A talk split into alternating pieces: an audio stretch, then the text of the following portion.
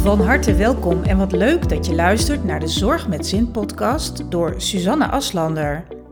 Met deze podcast wil ik zorgprofessionals in Nederland en België met veel plezier inspireren en motiveren als het gaat om energiek, vitaal, happy en stressvrij leven.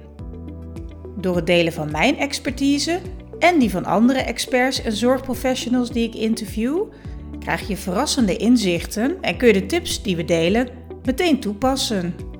Volg deze podcast en ga zo voor less stress en more happiness. In deze aflevering heb ik een bijzonder interessant en leuk gesprek met Nanny van de Warenburg. Nanny is inmiddels al 17 jaar werkzaam in de ouderenzorg. Daarnaast is ze ook sinds 5 jaar actief als zelfstandig ondernemer in de zorg. In deze aflevering hebben we het uitgebreid over haar interessante werkzaamheden als zelfstandige. Nanny deelt haar persoonlijke missie en ze vertelt hoe ze de mensen warm maakt voor werken in de zorg. We hebben het daarnaast uitgebreid over het toenemend aantal ZZP'ers in de zorg en over het ZZP-schap in het algemeen. En daarnaast haken we in op het belang van communicatie tussen het management en de werkvloer.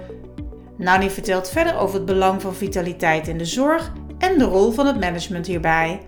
Ten slotte deelt ze verschillende waardevolle tips waar elke zorgverlener zijn voordeel mee kan doen. Heel veel plezier met het beluisteren van dit interessante gesprek. Van harte welkom bij deze aflevering van de Zorg met Zin podcast. En vandaag heb ik Nanny van de Warenburg te gast in mijn online studio. Nanny is inmiddels al 17 jaar, dat is lang, werkzaam in de ouderenzorg. En daarnaast is ze ook sinds vijf jaar actief als zelfstandig ondernemer in de zorg. Nou, dat is een, een heleboel, dus ik ben ontzettend benieuwd naar mijn gast van vandaag. Nanny, van harte welkom. Hoi, welkom, ja. Ja, superleuk dat je de tijd hebt uh, genomen met, met alle drukke dingen waar je mee bezig bent om uh, ja, gezellig aan te schuiven hier online en uh, ja, van alles te gaan delen met ons. En ja, ik ben gewoon ontzettend nieuwsgierig en ik heb heel veel vragen voor je. En de eerste vraag is eigenlijk, wat doe jij allemaal? Want ja, een eigen bedrijf, ook nog werken in de ouderenzorg. Ik weet dat je nog meer leuke dingen doet. Vertel daar ja, eens Ja, klopt. Ja, zoals je al zegt, uh, ik werk al heel erg lang in de zorg. Uh, met name de ouderenzorg. En uh, daar werk ik eh, op dit moment als zelfstandig ondernemer op gebied van kwaliteit en beleidsvraagstukken. Dus echt voor de ouderenzorgorganisaties. En ik ben ooit begonnen als wijkverpleegkundige. En dat heb ik eigenlijk aangevuld met allemaal extra neventaken, zoals de ondernemersraad, eh, de verpleegkundige en verzorgende adviesraad, waar ik voorzitter van ben geweest, teamleider, kwaliteitsverpleegkundige, beleidsmedewerker. Ik heb eigenlijk nooit stilgezeten in een eh, nee. bepaalde functie. Nee, inderdaad. Dus je, bent, je kent de ouderenzorg, die sector ken je eigenlijk ja, van A tot Z. Ja, dat kan je wel zeggen. Klopt. Ja. En wat, wat spreekt jou binnen alles wat je gedaan hebt, wat spreekt jou het meeste aan? Um, wat me het meeste aanspreekt, vind ik, uh, en dat doe ik nu ook in mijn werk als, uh, als ondernemer, is eigenlijk de schakel tussen de zorg en het management. Um, nou ja, de, zorg is natuurlijk, uh, daar zitten heel veel kaders en normen aan en het moet voldoen aan een bepaalde kwaliteitsstandaard. En op de werkvloer werken de mensen super hard. En ik zie het altijd als mijn eigen uh, missie om dan ook zeg maar dat te kunnen, goed te kunnen vertalen naar de werkvloer. Waarom wij aan bepaalde normen moeten voldoen. Um, en ik ken de taal van de werkvloer daarin ook heel erg goed. En ik weet wat er speelt en ik weet waar ze tegenaan lopen. Dus dat ja. zie ik als persoonlijke missie om daar uh, ja, mijn steentje aan bij te dragen. Ja, en daar ben je natuurlijk ja, enorm waardevol voor, denk ik. En, en dat zet je ook als ik het goed begrijp, actief in vanuit je eigen bedrijf. Klopt dat? Dat klopt. Ja, ja ik, werk, uh, nou ja, ik werk nu bijvoorbeeld voor Waardigheid en Trots. Dat is een programma vanuit de overheid. En daar coachen wij zorgorganisaties. Daar doen 500 zorgorganisaties, ouderenzorgorganisaties aan mee. En daar coachen we als het ware op de thema's van het kwaliteitskader verpleeghuiszorg. En dat is eigenlijk ook, ja, ook wat ik net zei, hè, een groot normenkader waar de zorg aan moet voldoen. Mhm. Ehm, maar we weten allemaal dat in de praktijk er ja, continu zeg maar, wel, ja, wel kwaliteitsproblemen aan de orde zijn. En dat is niet omdat mensen dat niet willen, maar het heeft natuurlijk te maken met bepaalde randvoorwaarden die niet goed op orde zijn. Hè, zoals het personeelstekort. Mm maar ook problemen rondom het, uh, het elektronisch cliëntendossier, uh, het tijd wat ze ervoor krijgen om op de werkvloer uh, die zaken op orde te krijgen. Ja. En ja, je, je kent de processen vanuit de werkvloer heel goed. Um, dus het is dan mooi om samen met het management te kijken van nou, hoe kunnen we die randvoorwaarden op orde krijgen? En waar hebben we invloed op? Want we hebben helaas geen invloed op, op de krapte in de zorg. Jij weet dus vanuit je functie hè, als, als uh, echt verpleegkundige, uh, hoe het is om op de werkvloer om te gaan met al die, ja, al die regelgeving, noem ik het dan maar, voor het gemak, hè, wat er allemaal moet gebeuren. Um, ja, ik kan me voorstellen dat het best wel lastig is om ook vanuit die andere kant te kijken. Uh, en zeker als je dan denkt aan wat je naar het management toe wilt communiceren of vertalen. Hè? Want ja, je kunt bijvoorbeeld eh, bepaalde richtlijnen of, of uh, adviezen geven. Maar ja, je weet dat het niet te realiseren is als je eigenlijk heel diep van binnen, denk ik, hè, dat is even hoe ik het dan voor me zie, dat je weet dat sommige dingen gewoon eigenlijk niet kunnen. Maar ja, het is wel het ideale. Het is wel de ideale uh, ja, situatie. Hoe, mm ja, hoe manoeuvreer je zeg maar daardoor heen? Want dat lijkt me best wel lastig en ook best wel frustrerend misschien. Hè? Want ja, je weet dat er oplossingen zijn. Alleen ja, door allerlei factoren kun je, ja, kunnen ze niet echt gerealiseerd worden. Bijvoorbeeld in het geval van die uh, personeelskrapte. Ja, dat klopt. Ja, dat betekent iets van hoe wij de zorg gaan organiseren. Hè? Dus hoe wij inderdaad met uh, toch wat minder personeel uh, goede zorg kunnen blijven geven aan de mensen. Dus dan heb je inderdaad, zitten de oplossingen wat meer in domotica of um, uh, ja, het, beter organiseren, beter samenwerken met andere zorgorganisaties.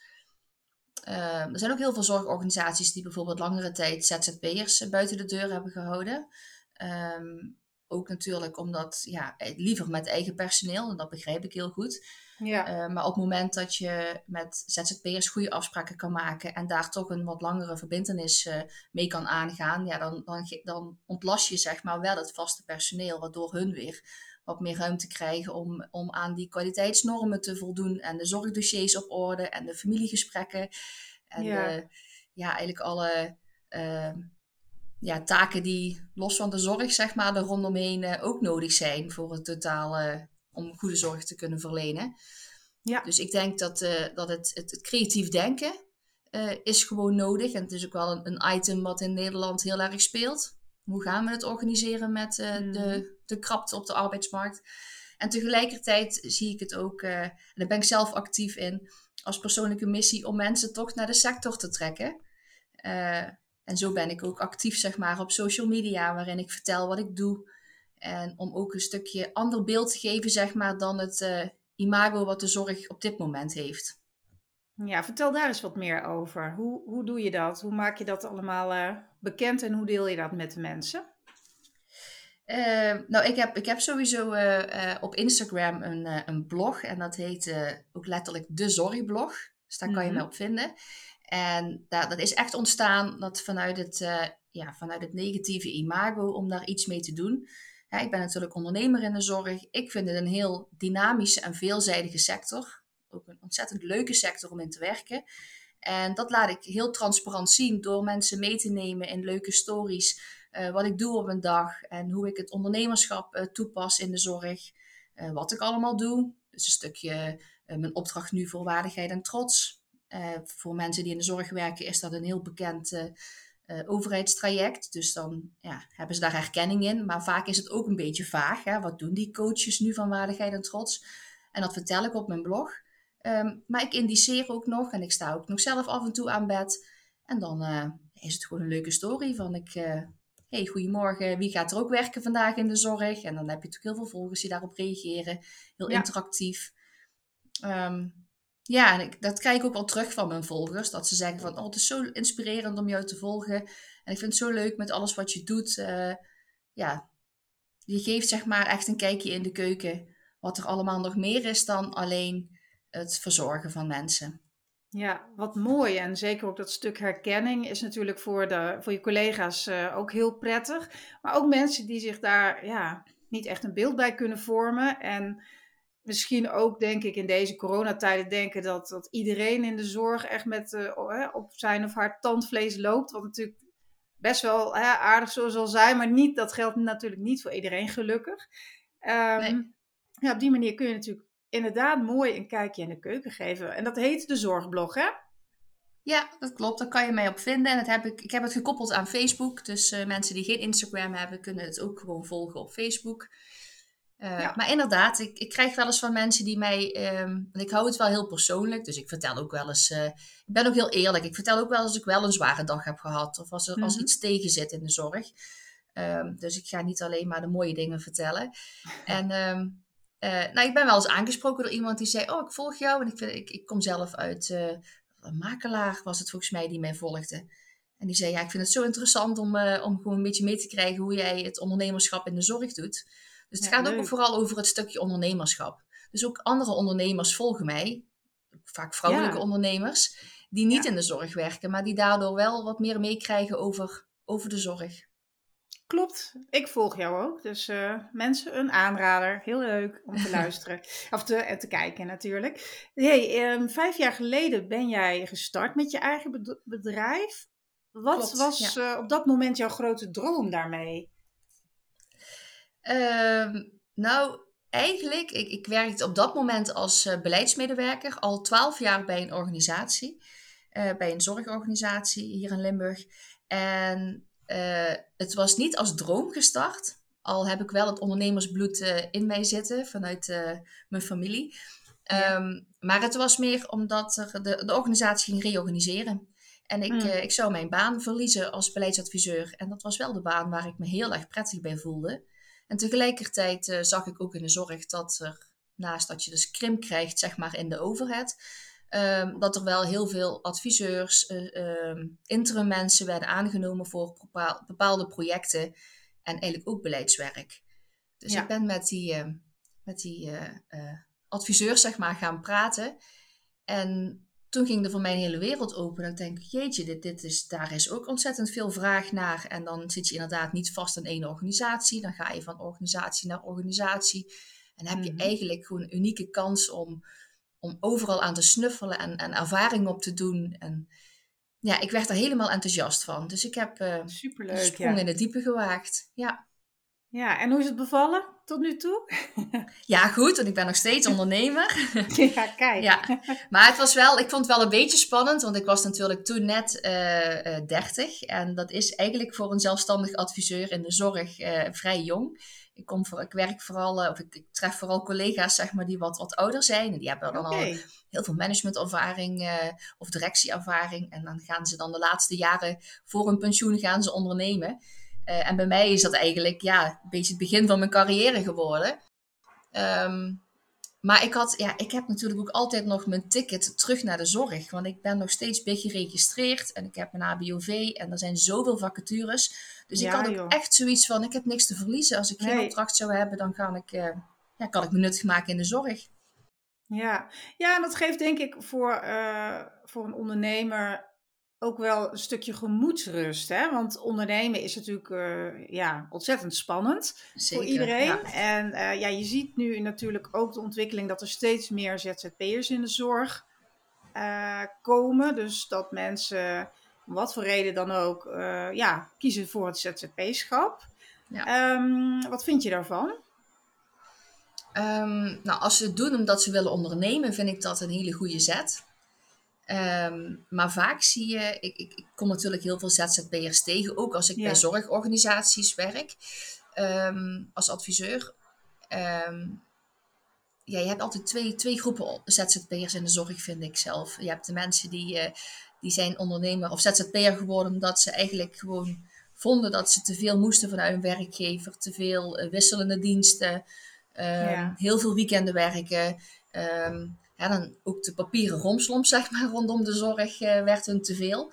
Mhm. En je merkt dat die ondernemers, of ja, ZZP'ers, maar het zijn ondernemers, wel tegen het een en ander aanlopen. Want je loopt dan toch wel tegen. Het ondernemerschap is ook heel veel Ja. papieren romslomp, hè, om het maar even zo plat te zeggen. Zeker. Daar komt ontzettend veel bij kijken en dat wordt wel eens onderschat.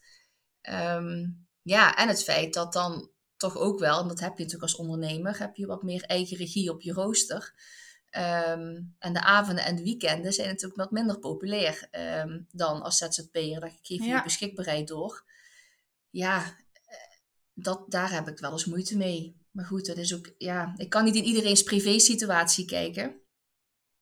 Maar als de reden is om te gaan ondernemen, om geen weekenden meer te werken en eh, om geen avonden meer te werken en minder eh, administratieve taken te doen, ehm, ja, dat, dan denk ik, eh, volgens mij hoort dat niet helemaal bij een eh, ZZP'er. eh want dan heb je juist wel even goed nog veel administratieve werkzaamheden. En Nee, precies. Hè. We, we moeten de zorg ook met z'n allen.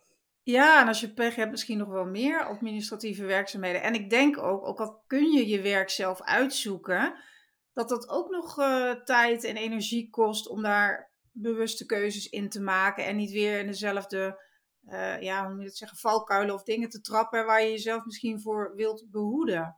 Maar ik vind dat wel ja. een, een terecht aandachtspunt wat jij daar aankaart. Hè? Die, die lastige diensten noem ik het maar, of de niet populaire diensten, laat ik ze zo noemen Ja, dat, dat maakt natuurlijk wel met de komst van steeds meer ZZP'ers in de zorg, dat die steeds lastiger ingevuld kunnen worden. En dan komt er volgens mij steeds meer druk, maar dat, dat weet ik niet, is een invulling van mij, op het vaste personeel binnen Ja. zorginstellingen. En dat is Ja, natuurlijk een klopt. kwalijke zaak eigenlijk. Dat klopt, dat klopt. Maar gelukkig eh, zijn er ook echt, ik kom echt, eh ja, ZZP'ers tegen mensen van goud die ontzettend veel diensten overnemen voor het, eh, voor het vaste team. Ja, ja. Dus, en daarvan denk ik, die mensen moet je echt dan behouden en proberen. Zelfs natuurlijk uiteindelijk gewoon weer binnen te halen in de organisatie als het kan. In ieder geval het gesprek te hebben met, met zo'n ZZP'er. Ja. Ja. En als je kijkt naar het eh, stuk eh, kwaliteit in de zorg, ik ben daar zelf niet zo in thuis. Ehm, wat, wat, zijn, of wat is het belangrijkste aandachtspunt misschien nu wel, hè, in huidige coronatijden noem ik het maar even, Mhm. die, eh, ja, die belangrijk zijn om goed te bewaken? Je hebt natuurlijk hè, je hebt ontzettend veel dingen waar je op moet letten, dat, dat weet ik. Ik ken mensen die ook daarin werkzaam zijn. Maar door corona komt daar natuurlijk hè, het stukje bescherming bij hè, van jezelf eh, en dergelijke en van de collega's. Maar, maar daarnaast, wat zijn daarnaast belangrijke aandachtspunten binnen het kwaliteitsstuk in de zorg? Ehm, nou, je merkt met eh, corona en dus ook alle eh cohortafdelingen die dan opploppen, zeg maar, in de verpleeghuiszorg. Dus daar waar een uitbraak is, komt een afdeling in cohort. Mhm. Ehm, het is ontzettend hard werken. Ehm, je hebt ook nog minder personeel, daar hebben we het net over gehad. En ook zeker met de corona heb je ook dus naast dat personeel ziek kan zijn, ook personeel wat gewoon in quarantaine zit en niet mag werken op dat moment. Ja. Ehm, en wat dan meteen in het gevaar komt, zijn eigenlijk dus de, de, de taken die je normaal nog erbij krijgt. Zoals een zorgplan goed op orde eh, brengen. Bepaalde interne audits die misschien niet gedaan worden, nu op dit moment. Omdat er al, ja, omdat het gevaarlijk is, zeg maar, om op een afdeling een medicatieaudit te gaan doen. Want je gaat Mhm. vaak van afdeling naar afdeling. En dat wil je absoluut niet natuurlijk. Want je hebt te maken met eh, hygiëne, infectie, eh, Ja. eh, zeg maar. Dus er ligt best wel wat stil in zorgorganisaties. Zorgorganisaties. Ook overleggen gaan niet door. Ja. Klassikale scholingen gaan niet door. Alles is online. Ehm, allemaal natuurlijk om ja, zoveel mogelijk de maatregelen in acht te nemen. Mhm. Maar goed, dat zorgt ook voor een beetje achterstand. D- dat zijn echt aandachtspunten, maar daar kan dus door eh, de huidige situatie helaas niet veel aan gedaan worden, denk ik. Of, of zie jij nog wel ergens mogelijkheden? Nou ja, ja, ook weer het creatief denken natuurlijk. Ik, eh, ik zit als beleidsadviseur in, eh, in bepaalde commissies en normaal vergaderen we gewoon fysiek. Nu gaan we veel meer online ons profileren en we maken filmpjes. ehm, en dan is het inderdaad eh, vanuit, ja, vanuit thuis, achter Teams of vanuit Zoom. Ehm, Ja. Maar toch om iets aan te bieden aan medewerkers. En ja, online scholingen natuurlijk. Ehm, dat is, ja, dat is, daar is nu wel iets meer tijd voor. Ja, Ehm, ja. Maar ik ben ook wel echt voorstander voor fysiek, fysiek met elkaar in gesprek. Eh, een moreel beraad is natuurlijk via Teams of Zoom toch wat minder persoonlijk dan als je met een team een moreel beraad kan hebben over een bepaalde casuïstiek die, eh, ja, die veel aandacht vraagt, bijvoorbeeld in een zorgteam. Ook qua emoties en alles, eh, ja, dat vind ik toch lastiger online. Maar goed, het biedt ook wel weer mogelijkheden, hè, want online eh, vergaderen is natuurlijk veel efficiënter. want Je hebt geen reistijd. Nou, dat eh, zijn mooie, mooie ja, creatieve oplossingen inderdaad en mogelijkheden. Ik ben wel benieuwd naar jouw opdrachtgevers. Hè? Als we kijken naar je eigen bedrijf, eh, kun je daar iets over vertellen? Ehm, ja, type, nou, ik, ik- gewoon type opdrachtgever. Ja. Hè? Het zou altijd ouderenzorg zijn of is het ook wel eens iets daarbuiten? eh, ik heb toevallig eh, eh, afgelopen anderhalf jaar voor een huisartspraktijk hier in, in Weert, waar ik woonachtig ben, gewerkt. En daar heb ik ook beleidsmatige taken gedaan. Dus het was eigenlijk mijn, eh, mijn eerste uitstapje naar een andere sector, naar de eerste lijnsector. Ja. Ehm, daar kwam ik ook achter dat trouwens heel veel, heel veel zaken toch eh, ja, veel overeenkomsten hebben zeg maar, met de ouderenzorg. Eh, als Aha, het gaat ja. om bijvoorbeeld het, het melden van incidenten. Ja, dat heb je natuurlijk in iedere sector komt dat terug. Calamiteitsonderzoek, de AVG. Ik heb me met dat soort zaken daar bezig gehouden. Ehm, maar inderdaad, het, het meest, ehm, daar word ik ook wel gewoon het meest gelukkig van, zijn de opdrachten in de ouderenzorg. Ja, dus Ja. van- met name inderdaad zorgorganisaties. En ik profileer mezelf op LinkedIn. Ik heb ook een, eh, een website. En meestal weten ze me wel te vinden of vanuit mijn netwerk. En af en toe ehm, eh, werk ik ook wel eens via een adviesbureau. Dat heeft niet mijn voorkeur, maar eh, ja, dat heb je als je op LinkedIn jezelf profileert en zegt dat je beschikbaar bent. Nou, dan komen de adviesbureaus al vanzelf naar je toe. Dan weet Ehm, je je en te die- vinden. Ja. Ja, ja, en die bemiddelen, hè, dus die hebben natuurlijk de opdrachten en eh, die zoeken daar een geschikt persoon voor. Maar goed, dan betaal je ook altijd weer een fee aan het bemiddelbureau en ik heb het liever rechtstreeks. ja, snap ik. Dat snap ik. Maar dus, eh, ja, wel leuk. Dus een uitstapje naar een huisartsenpraktijk, was het geloof Ja. ik? Of wat was het? Een, ja. Ja, ja. Ehm, zijn er nog misschien toch andere zorgsectoren, branches, waarvan je denkt, nou, daar zou ik ook wel eens met mijn kennis eh, iets willen betekenen? Ehm, ja, ik heb, ik heb op zich altijd nog wel interesse gehad om in de gehandicaptenzorg iets te doen. Ik vind dat ook een Ja. hele mooie sector om voor te werken. Eh, ik zie ook heel veel overeenkomsten tussen de ouderenzorg en de gehandicaptenzorg. Met name de, ehm, ik denk dat we veel kunnen leren van de gehandicaptenzorg als het gaat om welzijn. Dus de focus op welzijn en wat minder op zorg. Ehm, dus ik denk dat dat voor mij dan wel een mooi uitstapje zou zijn. En dat ik die, ja, die ervaring dan ook weer kan meenemen als ik weer terug ga naar de ouderenzorg. Ja, daar kan ik me ook wel iets bij voorstellen. Ja, mooi. En jouw bedrijf, ik ga gewoon nog even door. Ehm, wat is jouw missie daarin? Want je kunt natuurlijk ontzettend veel betekenen, volgens mij, op verschillende vlakken. Hè? Mhm. In, laten we het even houden bij de, op de ouderenzorg. Ehm, maar wat is daar precies jouw missie? Ehm, nou, daar hebben we het al een beetje over gehad. Dat is toch wel, denk ik, de vertaling eh, naar de werkvloer toe. Dus Ja. om de medewerkers mee te nemen in waarom zij de ja, bepaalde zaken, zoals hè, het zorgdossier, eh, op orde, waarom dat belangrijk is. Waarom het belangrijk is om, eh, om mee te denken in innovatieve ideeën, domotica. Hè, in plaats van dat er, er wordt toch heel vaak geroepen in de zorg, eh, het management. Ehm, daarboven in die toren bedenken ze dit. Ehm, en eh, ja, dat zijn echt bekende uitspraken in de zorg. Ja. Ehm, dan zie ik daar eh, als persoonlijke missie om even met de mensen rondom tafel te gaan en om het daarover te hebben van wat, wat, wat voor gevoel zit daar nu achter. En, ja, mooi. uiteindelijk hebben we toch, toch het gezamenlijke doel en dat is eh, goede zorg voor die bewoner of voor die cliënt. Dus het is eigenlijk geen, ja, je doet het allebei vanuit een, misschien vanuit een andere eh, rol.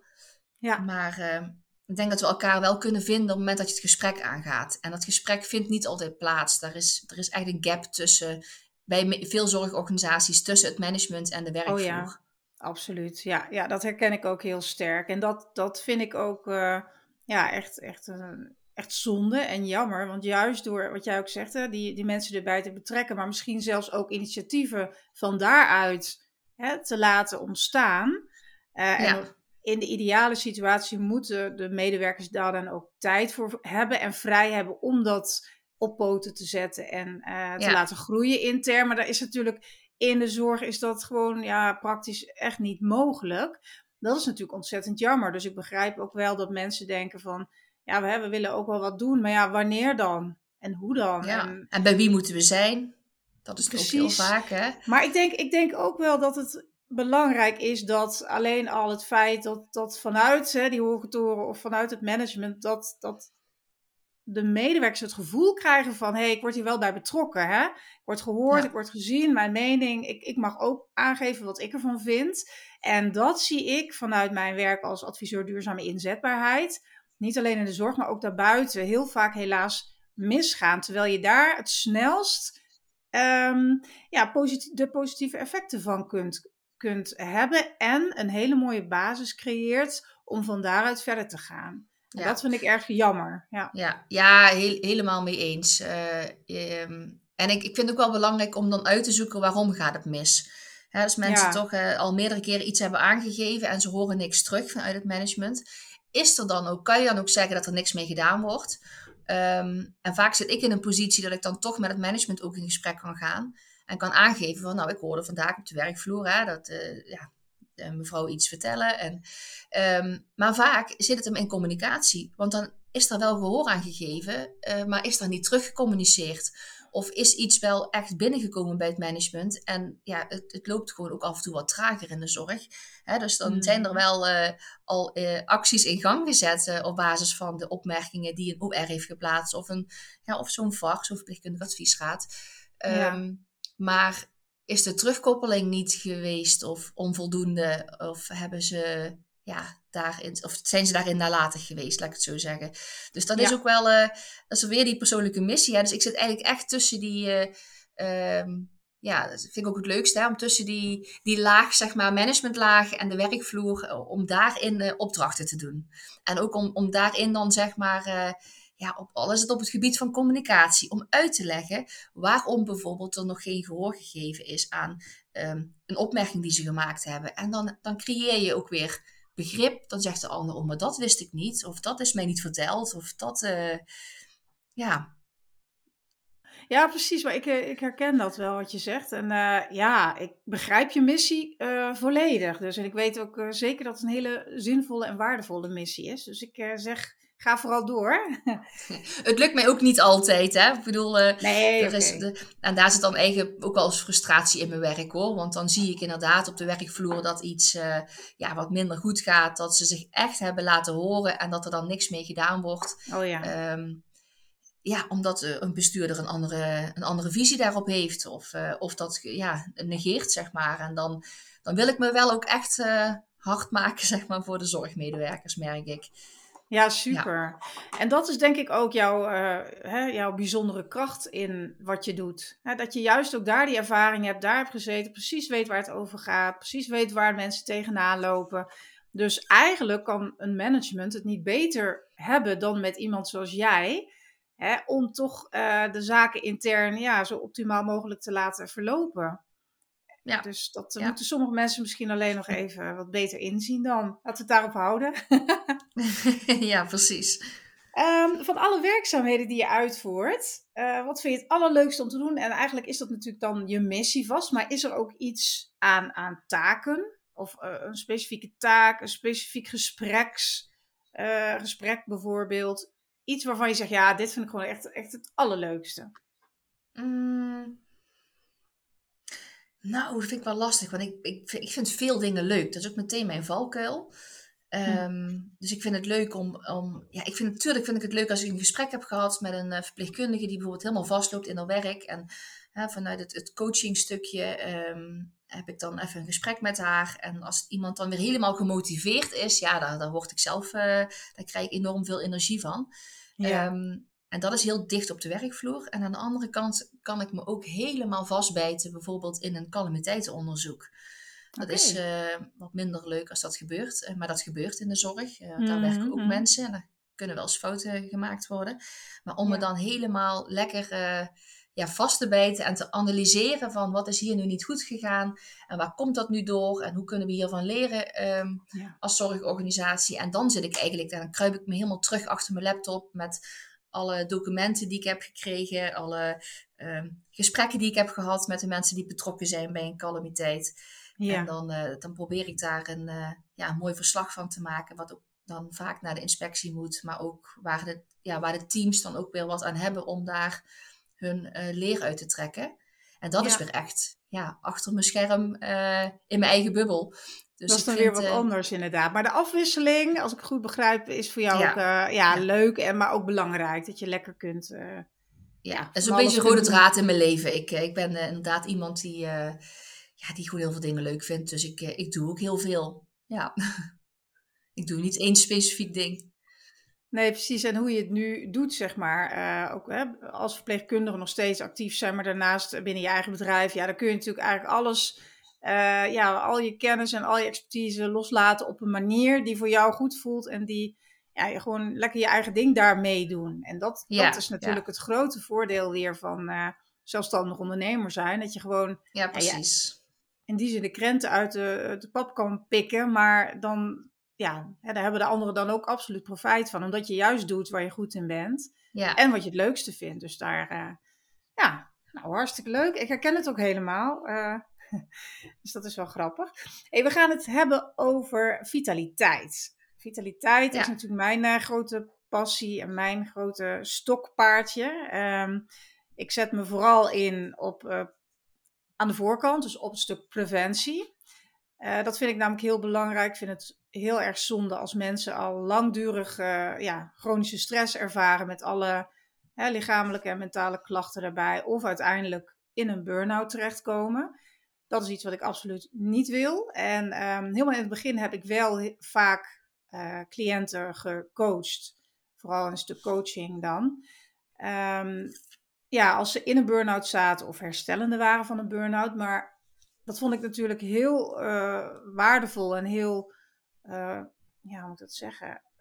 Ja, ook fijn om te doen, maar er knaagde wel steeds iets van, joh, zover had het niet hoeven komen. Dus dat, dat is iets waar, uh, waar ook mijn missie ligt, om dus te zorgen dat, dat mensen niet omvallen. In de zorg, maar ook zeker daarbuiten, dus eigenlijk iedereen. Mm. En um, als je dan kijkt naar de zorg, um, is dat stuk chronische stress, lichamelijke en mentale uitputting, uh, ja, dat zijn toch thema's die, die onvermijdelijk zijn. Maar eigenlijk was voor corona was de situatie al best nijpend. Hè? Had je ook al personeelstekorten in de zorg. Um, was het verzuim ook een van de hoogste in, qua branches in Nederland. Um, ja, hoe kijk jij naar het thema vitaliteit binnen de zorg op dit moment? Nou ja, ik ben heel blij dat er mensen zijn zoals jij die zich daar uh, dus ook uh, volledig voor inzetten. Um, en ook heel belangrijk, ik heb natuurlijk in die tijd dat ik in de ondernemersraad zat, uh, kwam dit onderwerp ook altijd naar voren. Um, wat ik heel belangrijk vind is, um, ja, ook wel in de rol hè, van teamleider, om mensen echt te horen om ook een stukje uh, privé-situatie te kennen van mensen, om daar dan ook, ja, zoals als het kan, rekening mee te houden. Um, dus om vroegtijdig ook te signaleren, zeg maar, dat het, ja, dat het gewoon niet goed gaat met een collega. Mensen in de zorg zijn inderdaad uh, ja, echt mensen, mensen. En wij zetten allemaal volgens mij ons werk uh, op nummer één. En onszelf uh, komt daar dan ergens achteraan. Ja. Um, met alle gevolgen van dien. Hè, dat als je voor de zoveelste keer een vraag krijgt om terug te komen, dan zeg je toch ja, omdat je wilt dat die mensen graag, ja, omdat die mensen geholpen worden. En ja. uh, ook al voel je allerlei signalen dat je lichaam dat niet aan kan. Hmm. Um, wat ik wel als persoonlijke tip heb uh, en wat mij helpt, want ik, ik herken dit en ik, ik balanceer ook wel eens op het randje hoor, dat geef ik eerlijk toe. Um, maar ik probeer wel altijd te kijken van um, waar heb ik invloed op en waar heb ik geen invloed op. En wat ik dus straks al aanhaalde, hè, de, er is vaak heel veel negativiteit rondom wat er gebeurt in ja, in, in de organisatie. Dus het management maakt keuzes. En waarom lossen ze de tekorten in de zorg niet op? En uh, we hebben al mhm. zoveel vacatures. Uh, ik zie dat de organisatie daar niks aan doet. Ja, dat zijn eigenlijk allemaal verwijten. Um, waarvan ik dan denk van, ja, maar ga zelf kijken wat jij hier aan kan doen, zeg maar. Ga zelf, uh, ben, ja, um, ja, weet je inderdaad hoeveel vacatureruimte er is binnen je eigen team? En kan je daar als team ook iets mee? Ja. Volgens mij haal je zo ook de mensen binnen, zodat jij zelf als team uh, positief uh, erin staat. En ja, zeker. Je kan dit uitstralen, zeg maar. Dat, ja, dat werkt motiverend. Als je een, een leerling of een stagiaire hebt werken en je blijft alleen maar negatief praten, ja, dan zal die leerling of stagiaire echt niet denken hierna van ik blijf hier plakken.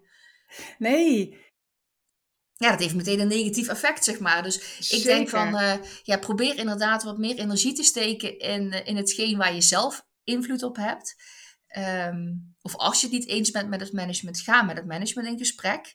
Juist. Um, ja. En niet alleen maar uh, onderling in het team, zeg maar. Nee, precies dat. Ja, ja herken Maar ik merk, ja, ja, je komt echt teams tegen die eigenlijk zichzelf ja, naar beneden halen door, door negatief te blijven kijken. En um, ik vind het dan zo belangrijk om dat om te zetten, zeg maar, in een team. Om daar weer ja, die, die cohesie te krijgen, zeg maar, in een team. En dan, ja. dan blijven daar wel de mensen plakken, hè? De, de stagiaires of de mensen die, uh, ja, die in het team terechtkomen. Want anders ben je ze zo weer kwijt, je collega's. Precies. Ja, je benoem je zoiets belangrijks, inderdaad. Dat stuk cohesie en dat wat mensen dan aanvoelen, inderdaad de stagiaires of eventueel ZZP'ers die heel graag in, hè, in vaste dienst wil wil nemen. Ehm, maar dat, dat is ook best wel lastig, denk ik, hè, om dat in deze tijden toch te creëren. Maar ik vind het een goede tip van jou om inderdaad hè, te kijken waar heb je zelf invloed op.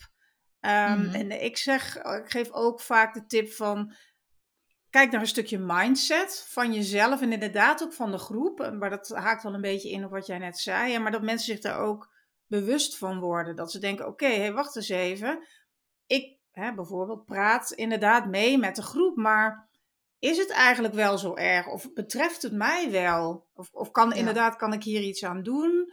Um, maar om inderdaad, dat zeg ik ook heel vaak, gewoon even een stapje achteruit te doen en te kijken van waar sta je eigenlijk en uh, hoe reageer je, wat doe je, wat is het effect daarvan? Um, ja. Want dat wordt vaak vergeten. Je gaat mee in zo'n groep. En dat is ook volledig natuurlijk, hè, psychologisch gezien.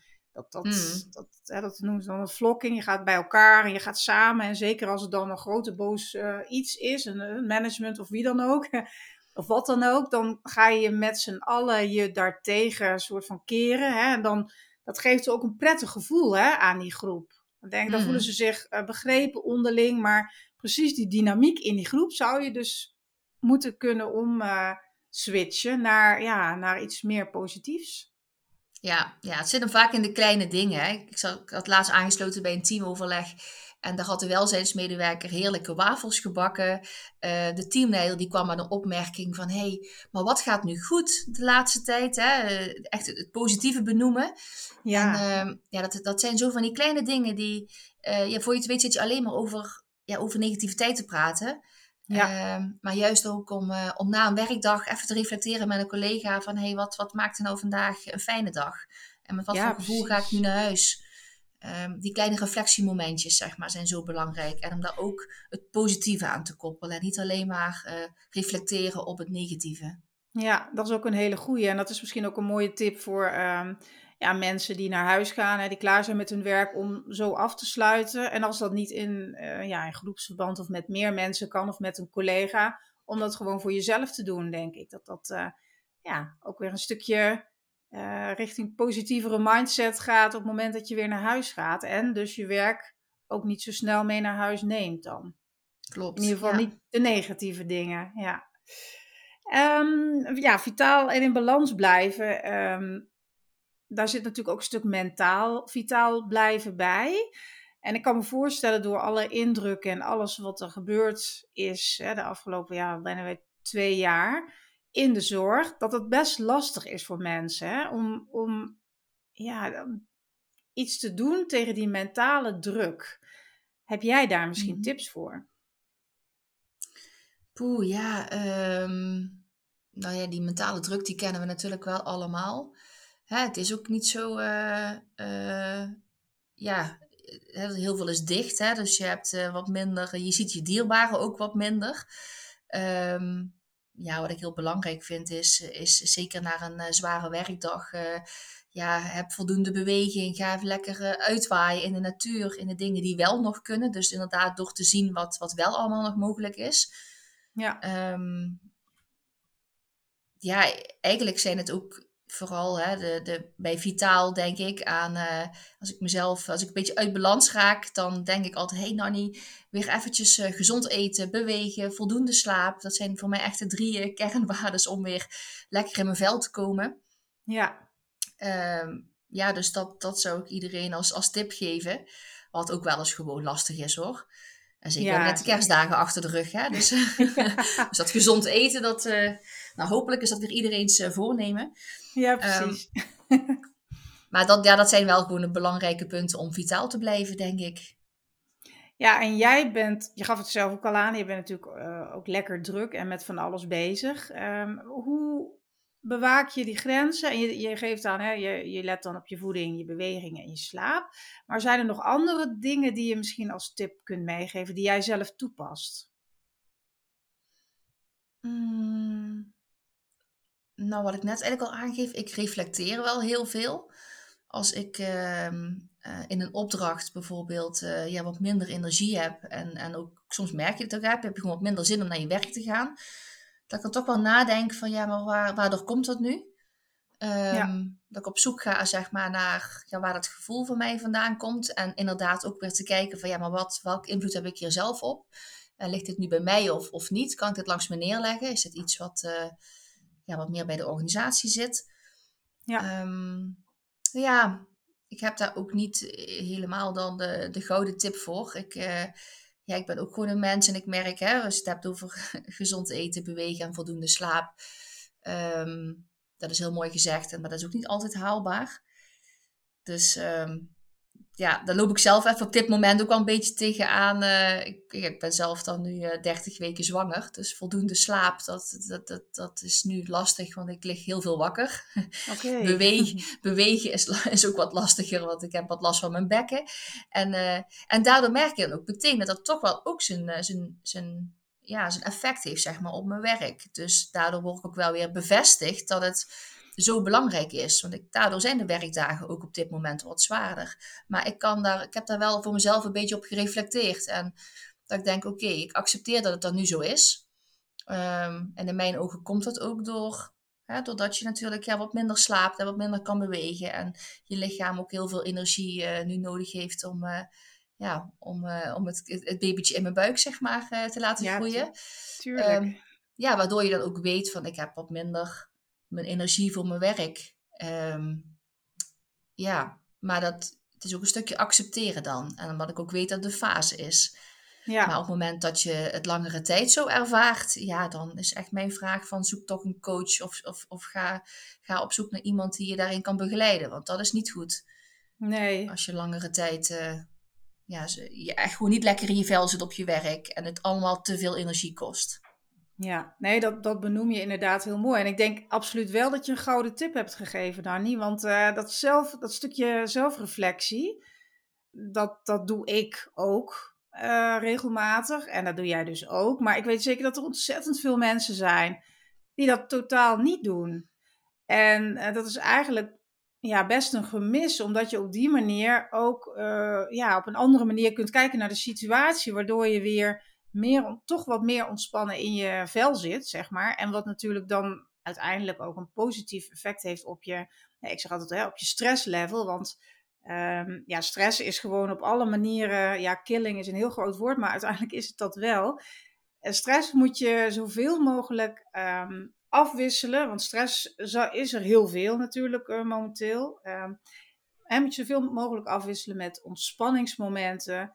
En dat klinkt dan heel afgezaagd en logisch, maar wie doet het? als mensen dan zeggen, ja, maar dat weet ik toch al lang. dan zeg ik ook altijd, ja, maar doe je het al? Want het, is, het, het hoeft niet moeilijk te zijn. Je kunt bijvoorbeeld uh, al een kwartiertje gewoon een boek gaan lezen of, buiten een wandeling maken door de wijk. Ik noem maar iets. Het hoeft niet een boswandeling van twee uur te zijn. Het hoeft niet uh, twee uur lezen te zijn of zo. Maar door even iedere keer wat anders te doen wat je ontspanning brengt, zorg je ervoor dat je hormonen, je stress, ja, je stresslevel dus af en toe wordt wat, wat verlaagd en dus wordt doorbroken. Op die manier kun je jezelf redelijk mentaal en, vita of mentaal en fysiek fit houden. Uh, maar doe je dat niet en ga je maar door en ga je maar door en laat je je meenemen inderdaad in de negativiteit, bijvoorbeeld hè, van je collega's of van vrienden of thuis. Uh, als je al zelf niet zo lekker in je vel zit, dan ja, kom je echt in een neerwaartse spiraal uh, terecht. En dat moet je dus echt zien te voorkomen. Dan zitten we weer bij mijn missie. Het hoeft niet zo ver te komen, maar je moet altijd even bewust een stapje terug doen. En ja, jij hebt er ook super tips gegeven daarvoor in deze aflevering, dus dank je wel daarvoor. Om daar echt bewust mee bezig te zijn. Het, het is niet zo heel moeilijk. Je moet er alleen aan denken en je moet ermee aan de slag gaan. En weet je, in het begin zal het allemaal niet zo lukken, maar hoe vaker je doet dat stukje reflecteren, hoe makkelijker het gaat. Waardoor je ook veel sneller weer uit een stressmodus kunt stappen. En nou ja, dat wil ik de mensen, de luisteraars, echt uh, heel graag meegeven. Dat je daar op die manier uh, wat aan kunt doen. Maar dus ook door die korte ja, ontspanningsmomenten in te bouwen, daar waar mogelijk in je, in je dagelijkse drukte. Ja, ja, heel mooi. Ja, of op de werkvloer de reflectiemomenten. Ik denk dat je dat als team ook wel heel goed kan doen hoor. Je kan ook een teamvergadering starten met: hey, hoe zitten we er nu allemaal bij? Even reflecterend op afgelopen weken. Jeetje, wat hebben we toch meegemaakt met corona?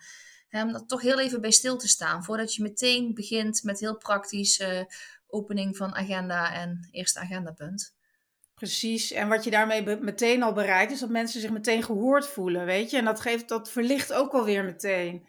En mensen die het willen benoemen, die benoemen iets. Maar anderen hebben er ook meteen al een ja, meer positief gevoel bij. Uh, en, en gaan dan zo de dag ook verder door. Dus ik vind dat een super tip. En ja, eigenlijk zou dat overal moeten gebeuren. Op elke, voorafgaand aan elk overleg, overal. Maar goed. Ja. ja, het gevaar is dat het vaak wat veel tijd kost.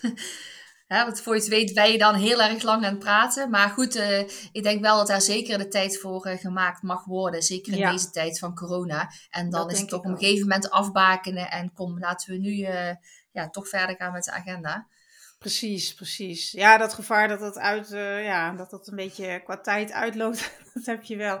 Ja, of je moet iets zeggen van, nou ja, iedereen, iedereen vertelt in een zin hoe het met hem gaat of zo, zoiets, weet je. En ja, dat is ook een goed idee, ja. Dat, dat, dat je het kort houdt, hè, daar zijn vast wel dingetjes voor te verzinnen. Maar ik vind het, ja, eigenlijk zou het ingebouwd moeten worden. Weet je, zelfs, dat, zo ben ik, uh, dat is mijn mening, zou het op scholen al moeten. Dat je dat bij kinderen doet. Dat je even een ja. rondje doet. Hoe gaat het nu met je, weet je? Uh, ja, even mensen zich gehoord en gezien uh, laten voelen, want dat doet zoveel goeds. Dus, uh... Ja, klopt. Mooi. hey, um, even kijken. Ik heb nog, uh, ja, we moeten bijna afronden, zie ik. Ik heb nog twee vragen voor je. De eerste is, ja, dat kan niet anders natuurlijk, zo aan het einde van het jaar. Wat zijn jouw plannen voor 2022 als het gaat om je eigen bedrijf? Um nou ja, 2022 het wordt natuurlijk een heel speciaal uh, jaar voor, uh, voor mij en voor ons, omdat wij ons eerste kindje verwachten. Ja. Uh, al, al in het begin van 2022. Dus het, um, mijn plannen op werkvlak is denk ik dat ik een stukje ga herijken voor mezelf. Um, want ja, ik word natuurlijk mama. Dat is een nieuwe, een nieuwe rol. daarbij zijn we ook nog bezig met het bouwen van ons droomhuis. En dat betekent dat je eigenlijk twee hele grote nieuwe rollen krijgt in 2022. Ja, joh. Um, wat wel, uh, wat zeker zijn effect gaat hebben op mijn werk. Um, dus wat ik ook heb gedaan ter voorbereiding op zo'n druk jaar, is uh, te zorgen dat ik uh, na mijn verlof, ehm, nou, mijn huidige opdracht kan ik gewoon door, daar kan ik aan doorwerken. En dat loopt gewoon tot 2023. Oh, okay. Dus wat dat betreft heb ik geen hele, op werkvlak geen nieuwe uitdagingen en richt ik me vooral op mijn privé. Wat denk ik uh, al meer dan genoeg is. En zal ik ook weer um, ja, na mijn verlof zeg maar, gaan herijken van hey, wat, waar krijg ik nu het meest energie van? En hoe ga ik uh, het, het, het moederschap, hè, het, het thuis een, een, kindje hebben, combineren met uh, mijn drukke leven als ondernemer? En welke ballen daarin wil ik hoog houden? En um, ja, misschien welke werkzaamheden kan ik wat gaan afbouwen om een goed balans te krijgen. Dus ik uh, ben zelf ook heel benieuwd naar 2022. Wordt een mooi jaar. Dat begrijp ik helemaal. En wat ik heel goed vind, wat ik uit je verhaal hoor, is dat je zo bewust bezig bent met die balans. want ook dat is iets wat niet veel mensen direct doen. En ja, dat is misschien ook een goede tip voor de luisteraars die denken: hè, volgend jaar komen er veranderingen in mijn leven. Um, ja, hoe, hoe ga ik dat combineren met bijvoorbeeld mijn werk of mijn sociale contacten? Ja. Om daar ook eens ja, in alle rust over na te denken. En jij noemt dat zo mooi herijken. Vind ik een prachtig woord. Vind ik echt uh, geniaal. Dus mensen gaan herijken waar nodig. ja, ja, precies. Ja, zo voelt het ook echt. Ja, nou supergoed bezig volgens mij. Um, we gaan zo afronden, Nanny. Um, heb jij misschien nog iets leuks wat jij uh, ja, wil delen of wil geven aan de luisteraars van deze podcast? Uh, ja, ja, ik heb zeker iets heel leuks. Um, de mensen die mij al volgen op de Zorgblog, die hebben dat vaker voorbij zien komen. Ik heb uh, samen met een, met een vriendin vorig jaar, begin van de corona, heb ik een, een aanzichtkaart ontworpen, speciaal voor de mensen in de zorg. En daar staat heel groot op nurse power. Wat ik vind dat, ja, dat uh, mensen in de zorg, ja, het zijn echt zeg maar, de, ja, nu ook weer gebleken de helden. Uh, maar dat wist ik natuurlijk al. Ik vind ja, mensen in de zorg, ja, ja, dus ik, wat ik belangrijk vind is, is die waardering. En um, dus ik heb, een, ik heb een heel leuk, ik heb een aanzichtkaart waarop staat nurse power. Daar hebben we ook power oorbelletjes bij. Uh, dus oh, dat zijn van die bliks, bliksemschichtjes voor in de oren. Die kan je ook dus gewoon dragen in de zorg, want dat zijn oorknopjes. Dus dat is helemaal RIVM-proef. Oké. Ehm, en dat is eigenlijk een kleinigheidje uh, die wij op Instagram ook uh, te koop aanbieden op onze eigen account Nursepower Set, heet dat. Ja. Um, en dat hebben wij afgelopen jaar heel fanatiek gedaan. We hebben ook rond de 500 zorgmedewerkers blij mogen maken met een, een kleine waardering.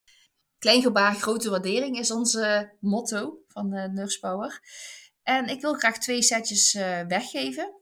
Wat leuk. Dus, en uh, ja, goed, wij willen eigenlijk verder, want wij zitten wel in de afronding met, dit, met dit, dit leuk, zeg maar. we hadden natuurlijk van tevoren nooit gedacht dat de corona zo lang zou duren.